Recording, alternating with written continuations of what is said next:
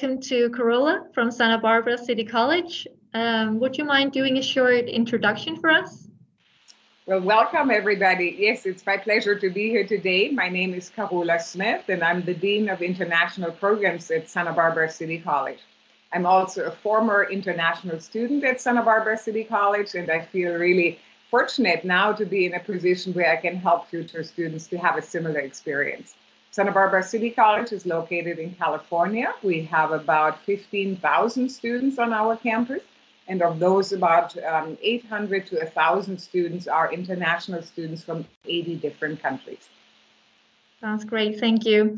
And what would you say uh, is different about Santa Barbara City College as opposed to other colleges in the area? That's a good question. Uh, I think there are a number of factors that make Santa Barbara City College different. First of all, I would say our location is pretty unique. We are located right on the Pacific Ocean, literally uh, probably 100 steps from the beach. Uh, so that is something that our students really enjoy. But Santa Barbara is also a unique city in that it attracts many very famous actors, people from the movie industry, very successful business people. And so, for a relatively small city, it is a very cosmopolitan city, it is a very student oriented city. So, our students have a lot of things to do outside the class, and we have um, uh, professors teaching for us who also are very actively working in their field. So that ma- makes for a really rich learning environment, I would say. Good. And what would you say are the advantages of studying at a college as opposed to a university?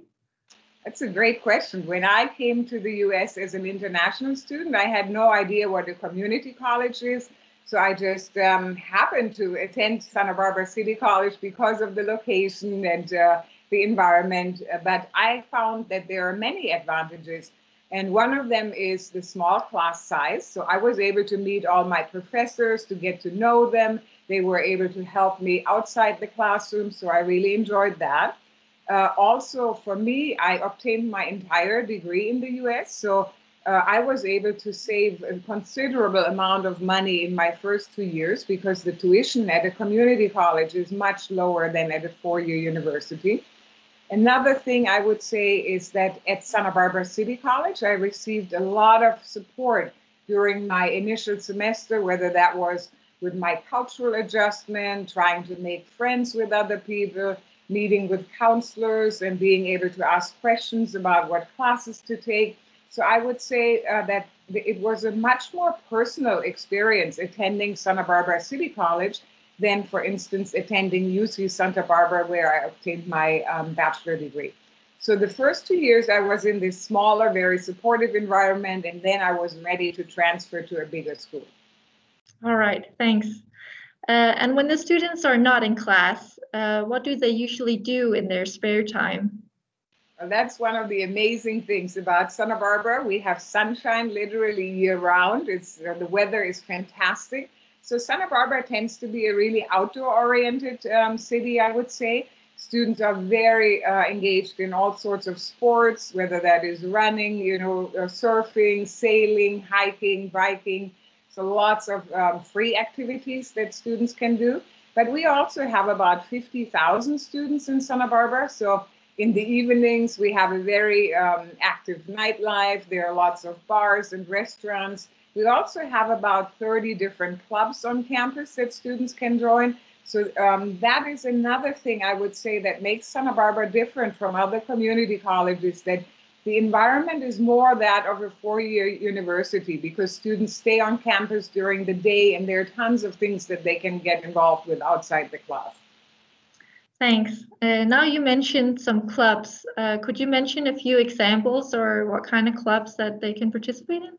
the clubs would be literally all over the place. So some might be discipline related, like a business club, or we have an innovators club. But then we also have a frisbee club, or um, uh, you know, um, an art club. So it really depends. And students are free to uh, open their own clubs. So if there's not a club that students are interested in, they can get together a few other students and start their own club.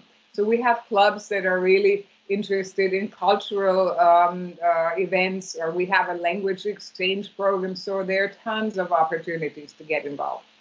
All right. And do you know what students really enjoy about the campus, or is there anything that you're particularly proud of about the campus? Well, what I'm particularly proud of is the quality of our faculty and support staff. We have many faculty who have won state or national awards for teaching excellence. So the quality of our academic programs is fantastic. But what students also really enjoy is the laid back, um, I would say, uh, learning environment. The campus is stunningly beautiful. Uh, the location, mm-hmm. as I mentioned before, is unmatched. So I think it's a combination of that. Another thing that I really enjoyed was that in all of the classes, you're likely to have people from different nationalities. So typically there might be people from five or 10 different countries when you take a class. So that really enriches the learning environment, not only for our international students, but also for our local students. Okay, so students uh, coming as international students can expect to study with American students. Absolutely. The majority of the students would be American students. Um, but then, uh, like I said, we have 80 nationalities represented. So it's a mix in all of the classes. But the, the vast majority are US students. And Californians tend to be very friendly and open minded generally. So they're really interested in getting to know our international students, which is great in terms of making friends and connecting with other students. All right. And what would you say are the most popular study fields or courses at Santa Barbara City College? Because you could study pretty much everything, right? Yes, we have, I think, over 100 different programs to choose from. But for our international students, I would say business is definitely very uh, popular. It's one of our largest majors, and within business, we have marketing, entrepreneurship, management, international business, so lots of choices. We also are very strong in anything that is media related, whether that is film production, it could be graphic design, photography. We have a fantastic theater arts and music program that's really popular. Psychology, I would say, is another very popular major. Um, but as I mentioned before, the quality of our academic programs is fantastic, so you really cannot go wrong uh, with the, the choice of your major. We also received a lot of funding for our science programs. So we are really strong in biological sciences, um, chemistry, all these engineering. So I think there are pretty much choices for uh, most uh, students. Sounds good. And if you come as an international student for just one semester, is it fairly easy to get the courses you wish for? Yes, it is, because most of our courses are offered uh, at different times. So we don't only offer only one section of each class. So students can put together their own schedule. And if they're a little bit flexible with their schedule, they oftentimes can get the classes that they want. Uh, I would recommend for students to apply early because the earlier you apply, the earlier you can register for your classes. And of course, then the choices are better. But uh, we also have academic counselors that can help. And I know that uh, Kilroy is also very proactive in uh, terms of helping students during the the uh, initial um, advising appointments. Thanks. Uh, and my final question is about how would a first week look like at Santa Barbara City College as an international student? Mm-hmm. Um, so typically students arrive on Monday and then we they have an opportunity to meet with their international uh, student staff. Then we have an academic advising session where they can talk to a counselor and then we also try to do some social activities so that they immediately get to know other students. So we have a, a personal development and orientation to college class that takes place uh, over three afternoons.